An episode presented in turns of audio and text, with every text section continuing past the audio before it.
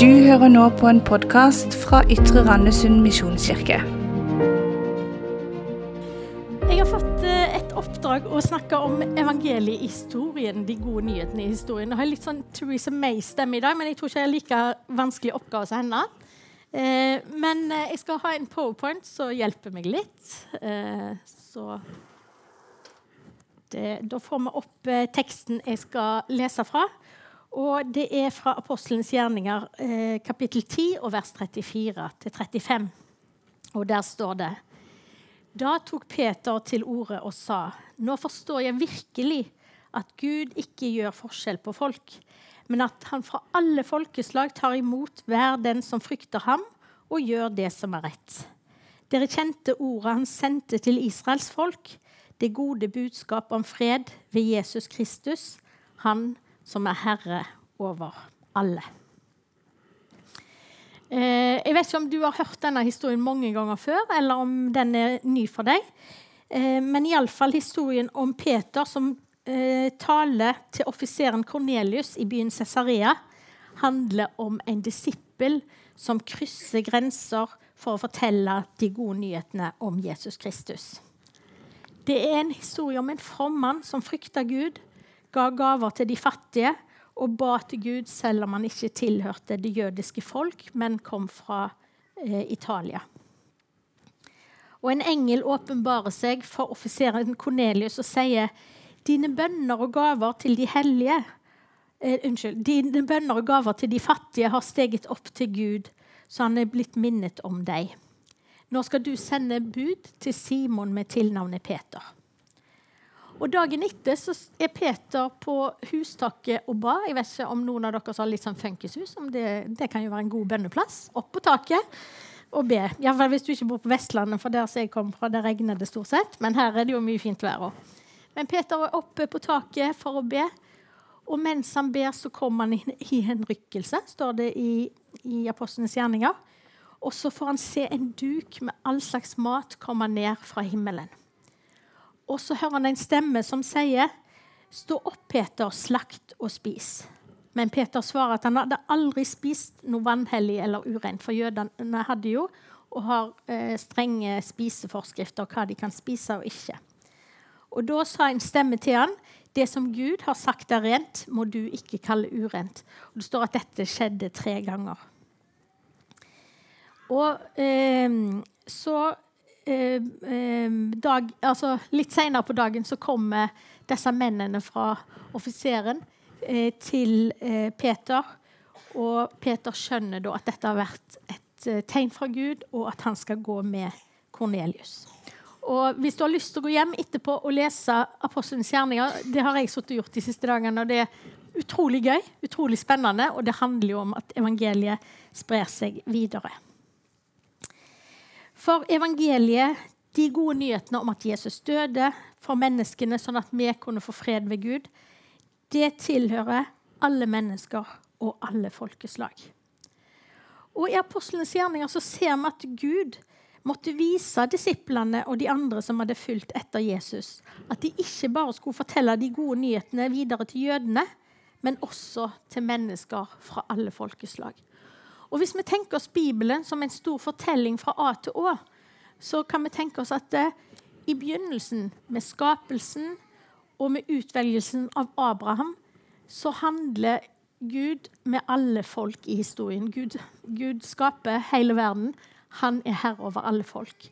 Og så utvelger han seg ett folk, Israel, som han handler med gjennom historien Eh, Gud sender de profeter og dommere når de vender seg vekk fra ham.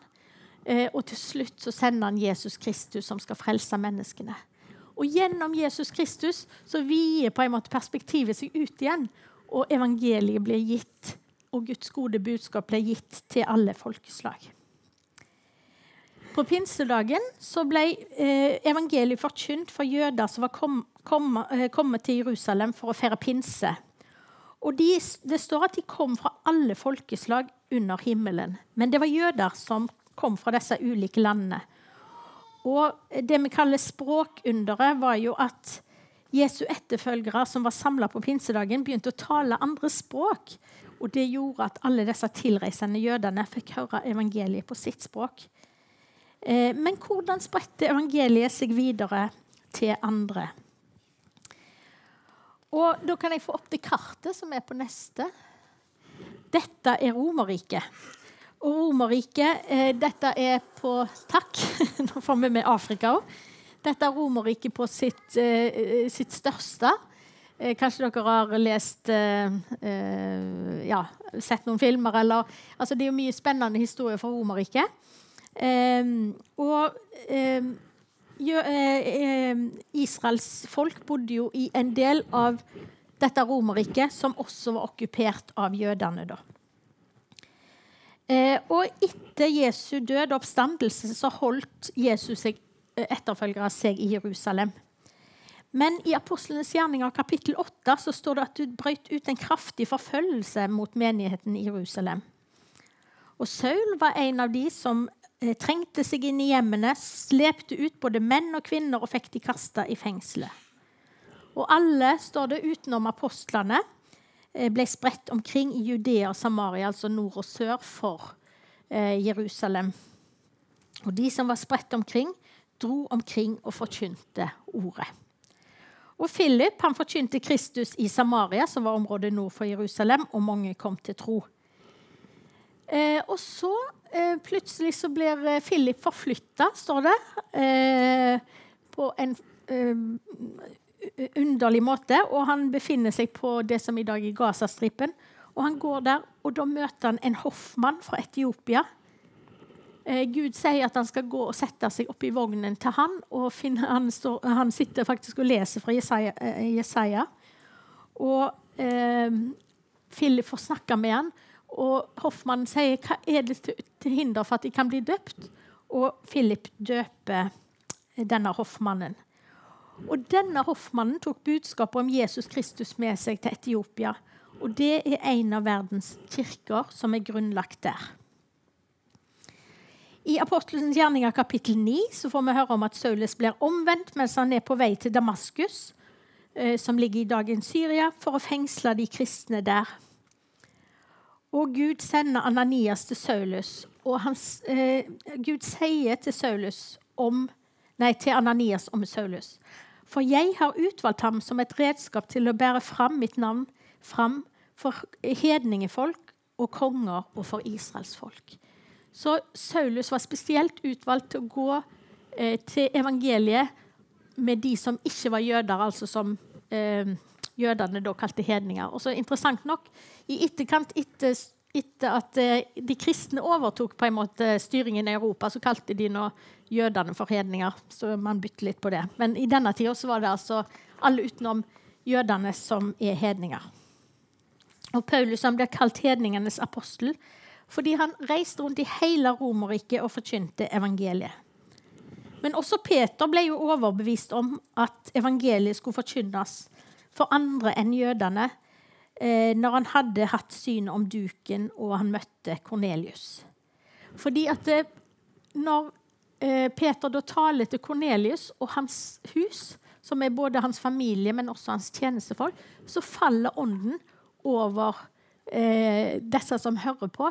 Og da forstår Peter at Gud ikke gjør forskjell på folk, som, hørte, som jeg leste helt i, fra i begynnelsen. Men hvis det kun hadde vært Peter og Paulus og de tolv apostlene som forkynte evangeliet, så hadde de jo ikke nådd så langt som det de gjorde. Men det var mange andre som vi ikke kjenner navnet på, som også var med på å spre evangeliet. Og hvis du tenker at det, du kaster en stein i vannet, så vil det spre seg ringer til alle kanter. De, liksom, bølgene går ikke bare i én retning, men bølgene sprer seg til alle kanter. Og hvis vi ser her, så er det sånn at evangeliet spredte seg som ringer i vann like mye østover og sørover og nordover som vestover. Vi har stort sett vært opptatt av vestover og nordover fordi der bor vi. Eh, men den, eh, evangeliet spredte seg også østover, sørover og nordover. Og jeg har lyst til å si litt eh, Torunn eh, sa til meg at eh, jeg håper du kan liksom eh, kom, eh, også nevne noen eh, liksom, Ikke bare være helt i den old-historien, men også komme fram til i dag, og det skal jeg gjøre. Men, jeg er jo kirkehistoriker, så jeg syns det er så gøy med de, de gamle, da. Unnskyld. Men jeg skal love å komme, komme litt videre. Men jeg, jeg, tenkte det som jeg hadde lyst til å trekke fram først, da, det er at Gud brukte mange forskjellige grupper for å spre evangeliet i den første kristne tid. Og det var spesielt tre grupper av mennesker som spredte evangeliet. Den første gruppa var kvinnene. Kvinnene fortalte særlig andre kvinner om Jesus. Og vi kan lese fra kilder at de står og forteller eh, andre kvinner om Jesus når de står og vasker, eller de er på de offentlige badene. Litt forskjellige steder. Og hvis det kommer noen offiserer eller eh, liksom folk fra myndighetene, så er de stille, og så begynner de å fortelle igjen. Så kvinnene var en veldig viktig gruppe som spredte evangeliet i den første kristne verden. Jeg vet ikke om du har tenkt over at Den første evangelist i verden faktisk var kvinnen ved brønnen. Hun ble så grepet av det Jesus sa, at hun fra eller lot vannkrukka stå og løp tilbake til landsbyen og fortalte at hun hadde møtt Jesus. Og så er det så utrolig fint vitnesbyrd om henne i ettertid, for da sier landsbybeboerne, ifølge Johannes 4, nå tror vi ikke lenger bare pga. det du sa. Vi har selv hørt han og vi vet at han virkelig er verdens frelser. Og Det er faktisk den oppgaven vi har i dag òg, og som jeg skal komme tilbake og se. Men så enkelt og kanskje så vanskelig er det. Det er at vi sjøl blir grepet av Jesus. Vi forteller det til andre. Vi kan fortelle det gjennom ord, vi kan fortelle det gjennom en handling. Og så er målet at de sjøl skal få møte Jesus. For meg og det kan jo ikke frelse noen. Men vi trenger å føre mennesker til Jesus, sånn at de sjøl kan bli forvandla. Og det var det den, denne kvinnen ved brønnen gjorde. I det jødiske samfunnet så var kvinner og menn atskilt i synagogen. Eh, mennene var nede i, i liksom hovedsalen, og kvinnene fikk sitte oppe i, på galleriet. Noen steder var det òg eh, sånne gitter foran det galleriet, sånn at det var nesten umulig for kvinnene å, å se så kvinner og menn var atskilt. I den kristne kirka var kvinner og menn helt fra begynnelsen av sammen i samme kirkerom. Eh, kanskje noen vet f.eks. fra norsk kirkehistorie at det fantes eh, eh, På f.eks. 1700- og 1800-tallet satt ofte mennene på ei side og kvinnene på ei side, men de var alle i det samme rommet. Og I begynnelsen så samles de jo i hjemmene før de hadde kirker. Eh, og eh, jeg tenker Det er òg en understreking av det eh, Peter altså sa i det bibelverset jeg leste først. Nå vet jeg at Gud ikke gjør forskjell på folk. Eller som Paulus skriver i Galatane 3,28. Her er ikke mann eller kvinne, slave eller fri, jøde eller greker. Her er alle ett i Kristus Jesus. Og Det som gjorde at evangeliet spredte seg så utrolig fort i Romerriket, det var jo budskapet om at Gud gjør ikke forskjell på folk, og at eh, det, det, eh, Gud er ikke avhengig av liksom, Er det mann eller kvinne, altså kjønn? Er det slave eller fri, altså sosial status? Er det greker eller jøde? Er det den, det folkeslaget du kommer fra? Nei, alle er ett i Kristus Jesus. Og Det var veldig attraktivt for noen grupper, ikke minst for slavene, som Romerriket hadde veldig mange av. Og Eh, en annen gruppe som var med og spredte evangeliet, det var soldatene. De ble flytta rundt i Romerriket for å vokte grensene. Og dermed fikk de anledning til å fortelle om Jesus til mennesker som bodde langt unna Jerusalem. Og Den tredje gruppen var handelsfolk, som også reiste rundt for å selge sine varer, og som derfor traff mange som, eh, som de ellers ikke hadde truffet. Og En av disse handelsfolkene var et ektepar som Paulus jobba nært sammen med, Priscilla og Aquilas. Og det, og det står at eh, de lærte Paulus opp i den kristne tro. Og De var teltmakere, sånn som Paulus. Og det står at Paulus bodde hos de, og de jobba sammen, uh, sammen, for Paulus uh, jobba med et yrke for å kunne tjene nok penger til, ha, penger nok til å, reise rundt og forkynne evangeliet. Og så uh, var han i synagogen og andre steder etterpå det for å forkynne. Eh, og I flere av Paulus sine brever så ser vi at eh, Paulus hilser spesielt til eh, Priskilla og Akvilas. I Romerriket fantes det mange ulike religioner. Og Romerne de tillot at de ulike folkeslagene å holde fast ved sin egen religion så fremt de viste respekt for keiseren. Så var det sånn at Gamle religioner var anerkjent. Eh, de hadde eh, F.eks. jødedommen var en gammel religion som var anerkjent av romerne. Eh, og så lenge romerne trodde at de kristne var en del av den jødiske tro, så ble de beskytta av det. Men når det ble klart at kristendommen var en egen og ny religion, ble de kristne forfulgt. Og det var òg veldig forskjell på keiserne, hvor høyt de satte sin egen person. Noen av keiserne forlangte at innbyggerne ikke bare skulle respektere de som herskere, men de ville også bli tilbedt som en guddom. Og Det betød spesielt et problem for jøder og kristne som bare ville tilbe én gud, mens veldig mange av de andre folkeslagene hadde mange guder. Og da er det jo ikke så farlig om du legger liksom Hvis du har ti guder fra før, og du får én til, så er det kanskje ikke så farlig, nemlig keiseren. Men jødene nekta å tilbe keiseren og fikk unntak fra det, men de kristne fikk ikke unntak fra det. Og ble dermed forfulgt. Men på tross av den harde forfølgelsen så vokste kristendom.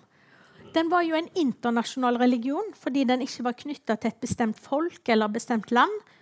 Og den tiltrakk seg særlig mennesker som ikke tilhørte samfunnets elite. Og i år 324 eller 325 etter Kristus, så gjorde faktisk keiser Konstantin kristendommen til Romerrikets religion. Og Det er en helt utrolig utvikling. Fra en håndfull mennesker, tolv redde disipler og en flokk av Jesu tilhengere, både kvinner og menn, som satt i øvresalen på første pinsedag som var fortvila over at Jesus var død. Hvordan skulle dette gå videre? De kunne ikke ha drømt om at noen hundre år seinere var Rom, kristendommen blitt Romerrikets religion. Og så må jeg jo dessverre gjøre et hopp i kirkehistorien. Altså, men Hvis noen av dere har lyst til å komme og høre mer, så underviser vi om dette hver uke på Ansgar-skolen. Eh, det er mye å fortelle der. Men jeg har lyst å gå litt eh, til nyere tid. Og nyere tid er ikke nyere enn sånn 1700-1800-tallet. Torunn, er det greit? Eh, jeg skal komme fram til vår egen tid, men jeg må litt på 1700-1800-tallet. Fordi at eh, i løpet av middelalderen så var jo evangeliet blitt utbredt i hele Europa. Og de store reformatorene, f.eks. Martin Luther, Calvin og andre protestantiske ledere som levde på 1500- og 1600-tallet, de leste ett bibelsted i Apostelens gjerninger på en bestemt måte. For der står det at 'ditt ord er nådd ut til hele vår jord'. Og da tenkte de ok, evangeliet er blitt spredt i hele verden.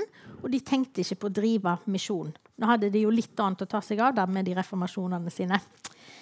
Eh, men evangeliet ble tatt med når de store oppdagelsesreisende reiste utenfor Europa. Når Marco Polo eh, dro til Kina og Colombo dro til Mellom- og Sør-Amerika. Og vi vet at evangeliet dessverre også ble prøvd og utbredt ved vold og tvang, og det er noe vi kaller for sverdmisjon. Men mange konger og andre herskere ønska nemlig å bruke kristendommen for å sikre seg at alle i deres rike hadde samme tro, og brukte den kristne troen som samfunnsliv. Men heldigvis så fantes det også hele tida mennesker som gikk i disiplenes fotspor og brukte såkalt ordmisjon for å spre evangeliet. Og På 1700-tallet så vokste det fram en retning som kalles pietismen. Og nå er det kanskje sånn at Hvis jeg hadde kalt deg en pietist, det er ikke sikkert du hadde syntes det var en veldig kompliment. Kanskje noen hadde tenkt nei, jeg er iallfall ikke noen pietist. Men det, det, var veldig mye bra med pietismen og hvordan de tenkte i utgangspunktet. Pietisme betyr fromhet. Og pietistene mente at det, det var ikke nok at alle folk i et alle mennesker i et land f.eks. var døpt. Det var ikke det som gjorde at de tilhørte Jesus. Eh, og eh, altså, Jeg, jeg syns jeg hørte en gjenklang litt, litt, av det eh, Tina sa òg. Altså, man kan tilhøre grupper hvor man tenker at bare jeg har min, mine foreldres tro, eh, så er det nok. Men pietistene de ønsker en hjertereligion. At mennesker skulle bli grepet av evangeliet, sånn at også deres liv ble endra og ble prega av den kristne tro. Europa var i en vanskelig situasjon pga. mange kriger, umoral og forfall som gjorde livet utrygt for folk. Og noen av de, det vi kan tenke i dag var veldig strenge regler for pietistene, var egentlig et forsøk på å demme opp mot den lovløshet som rett og slett rådde i Europa på den tida. Eh, og fordi at eh, eh, disse pietistene tenkte at det var ikke nok å formelt tilhøre den kristne religion gjennom dåp, som de fleste i Europa gjorde på den tida. Eh, nei, de begynte med evangelisering og misjon. De begynte med sånne type husgrupper som de kalte konventikler. Eh, og eh, de sendte ut misjonærer til ulike land. Og For Danmark-Norge ble de første sendt til de dansk-norske kolonier. Og det var Trankebar i India, og det var Grønland. Eh, og Finnmark var også en sånn misjon, fordi Finnmark var tenkt som en utpost, selv om det tilhørte Danmark-Norge. Og Det er starten på protestantisk misjon. Og jeg har lyst til å nevne et par mennesker som eh, eh, som brakte evangeliet videre til et land med mange mennesker som ikke hadde hørt evangeliet. Eh, og Dette er bare to bitte små eksempler, og det fins utallige mange andre. Men jeg bare har lyst til å nevne det. Da kan jeg få opp neste bilde. Eh, det er Hudson Taylor som starta det han kalte trosmisjon. Og Han hadde noen eh, prinsipper for denne trosmisjonen. Eh, og det var at ingen lønn, ble betalt av Misjonsselskapet. Man skulle ikke be mennesker om penger. De hadde jo ikke VIPS den gangen, men de aller fleste hadde en misjonsbøsse eh, som de sendte rundt. Men Hudson Taylor fikk det for seg at, det, eh, at Gud skulle støtte, altså han skulle be Gud om penger, og hvis Gud ville dette, her, så skulle han få de pengene. Eh, og Resultatene var at de tiltrakk seg mange misjonærer, ikke minst fra arbeiderklassen, men også noen som ble verdensberømte, som ble kalt Cambridge Seven, som var sju overklassegutter fra Cambridge som ble frelst, eh, og som dro til Kina som misjonærer. Fordi det som var Hudson Taylors store eh, visjon, og som, som han eh, liksom ikke så mange andre hadde tenkt på, det var at han ville nå hele Kina med evangeliet. På den tida var Kina helt stengt for utlendinger, bortsett fra noen Eh, få havnebyer, eh, som er Hongkong og Macau. Eh, og misjonærene som var i Kina, de holdt til i disse byene. Men Hudson Taylor fant ut at han ville reise til Innlandskina for å nå menneskene der. Så han kom til Kina, kledde seg som en kineser, farga håret svart og hadde hårpisk og barberte seg på sidene. Og kledde seg i kinesiske klær, og sånn kunne han komme inn til Kina utkledd som en kineser. Og når disse Cambridge Seven, som var idrettsmenn og var så høye altså De skrev jo da at når, når de kom, så hadde kineserne de hadde aldri lagd så store sko eller så store klær før. Men Hudson Taylor han kom fra en enkel, fattig familie. Han hadde ingen misjonsselskap som støtta han, men han var overbevist om at Gud hadde kalt han til å reise til Kina, og at Kina skulle bli evangelisert. Og Det endte med at han i løpet av noen få år sendte 1000 misjonærer til Kina. Og to og to så reiste de ut til forskjellige deler, eh, forskjellige provinser i Kina. Eh, og når Kina senere ble lukka for misjon eh, gjennom kommunismen, så hadde allikevel kristendommen i Kina vokst. Eh, sånn at det er veldig usikkert hvor mange kristne det er i Kina i dag. For det, det, fins jo offisielle kirker, og det fins uoffisielle kirker. Men det er ingen tvil om at Hudson Taylor og Kina Innlandsmisjon eh, var med eh, på å eh, eh, bringe evangeliet til kineserne. Og så kan vi få neste bilde, som er også ei som vi, vi kjenner bedre kanskje oss, fordi hun kom fra det som da heter Misjonsforbundet. Eh, Annie Skau, som vokste opp i en familie der ikke foreldrene trodde på Gud, men hun hadde ei bestemor som ba for seg. Eh, og som eh, eh, Annie Skau ble sykepleier, og hun eh, møtte da eh, mennesker som bl.a. hadde tuberkulose. Og en, en, mann hun møtte, som sa Annie, du må be for meg, for nå skal jeg snart dø. Og Hun ble livredd, for hun tenkte jeg har jo ikke noe å møte denne personen med. Så hun sprang ut i gangen og henta en sykepleier som hun visste var en kristen. Og denne sykepleieren ba med denne pasienten. Og når Annie Skau kom inn til pasienten etterpå, så sier han Annie, nå har jeg fått fred og kan dø med glede, for jeg skal møte Jesus. Og da tenkte hun at oi, dette må jo jeg få tak i.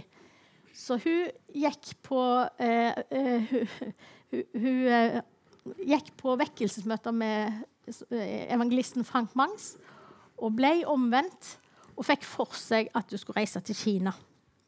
Så gikk hun til Misjonsforbundets ledelse og sa jeg skal reise til Kina. Og da sa de det kan godt være at du tror du skal reise til Kina, men vi har ingen penger å sende deg til Kina med.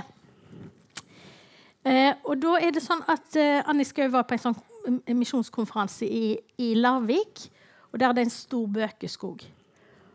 Og Annie Skau gikk til den bøkeskogen, så la hun seg ned flatt. Og så sa hun, 'Kjære Gud, jeg reiser meg ikke før du har overbevist meg om om jeg skal til Kina eller ikke.' Eh, og, og, nå forteller hun ikke hvor lenge hun lå der, men hun sier at når jeg reiste meg opp, så var jeg helt sikker på at Gud skulle sende meg til Kina. Og gjennom gaver for forskjellige mennesker så fikk hun først reise og, og være på den Hudson Taylor sin uh, skole i, i uh, England og ble lært opp i de samme prinsippene og reiste til, uh, til Kina. Var misjonær. måtte reise hjem pga. Maos overtagelse men reiste ut igjen senere til Hongkong og starta et stort sykehus der, Håpets havn, som kanskje noen her har besøkt, og som ennå i dag eh, er et stort vitnesbyrd om evangeliet. Og eh, fra ingenting, altså hadde virkelig ingenting, ingen penger, ingen fastlønn, ingenting, hadde 300 kroner i året som hun fikk lov til å få Misjonsforbundet. Men bortsett fra det så hadde hun ingenting. Og ut fra dette så bygde de et helt sykehus som til slutt behandla f.eks. en tredjedel av Hongkongs tuberkuløse. Så et vitnesbyrd om fra, fra, det lille så, eh, så kan Gud gjøre noe stort. Og så kan jeg få opp det siste bildet, fordi at nå skal jeg endelig komme til vår egen tid. Og det handler rett og slett om å ta den stafettpinnen videre. Noen fikk lov til å leve sammen med Jesus og fortelle om hans oppstandelse. De hadde sett det sjøl. Og så var det noen andre som tok stafettpinnen videre. Og i dag så er det du og meg som skal ta den stafettpinnen videre. Fordi at uh, Gud, han er en gud for alle tider. Uh, og det er noen, noen, som sier verden er så fæl i dag. Ungdommen de bare ser liksom uh, Ja, ungdommen er fæl. og eh, livet er så vanskelig, og det er så mye vondt som skjer i dag. Og da tenker jeg, altså Hvis man ser historien, så er faktisk eh, det er veldig mye bra i verden i forhold til det som har vært da, men det er nå greit. Men hovedpoenget må jo være at Gud er en Gud til alle tider. Evangeliet er ikke mindre aktuelt i dag enn det var for, på 1500-tallet, på 1000-tallet, på 1800-tallet. Evangeliet er akkurat like aktuelt fordi det er Gud som har skapt oss og det er han som gir evangeliet videre. Så i dag så er utfordringen til meg og deg kan vi ta den stafettpinnen videre i vår tid. Gud vil at vi skal bruke vår tids språk, våre tids metoder. F.eks. når misjonærene reiste ut til Kina på 1800-tallet, så hadde de som regel kista si med seg. Fordi de visste at antageligvis så kom de ikke hjem igjen før de kom hjem med kista. I dag så kan vi reise til hvor som helst på denne jordkloden i løpet av et døgn eller to. Så vi har jo enorme muligheter. Vi har en enorm velstand. Så hvordan vil Gud at vi skal bruke våre evner, våre penger, våre midler eh, for å spre evangeliet i dag? Det er mange muligheter, det er mange hindringer, men Gud vil at vi skal gå med det beste budskapet for andre, alle mennesker Gud gjør ikke forskjell på folk. Det er ikke om du er mann eller kvinne, det er ikke hvor du er i det sosiale systemet, det er ikke hvilket folkeslag du kommer fra. Men evangeliet om at Jesus Kristus har dødd for å frelse oss, det trenger mennesker like mye i dag som de gjorde for 2000 år siden. Så jeg håper at du er med på å ta den stafettpinnen videre. Amen. skal vi be sammen. Kjære Jesus, jeg takker deg for evangeliet, for de gode nyhetene. Og nå ber jeg om at uh, du skal kalle på oss som er her i dag, og vise oss hvordan vi skal bringe de gode nyhetene videre til folk som vi treffer hver dag på jobb eller hjemme eller på skole. Eller om noen av oss skal reise lenger vekk. Men uansett så ønsker du at nye mennesker skal få møte deg. Og jeg ber om at vi som er her, skal få være en del av det. Takk for at vi får lov til å være det. Amen.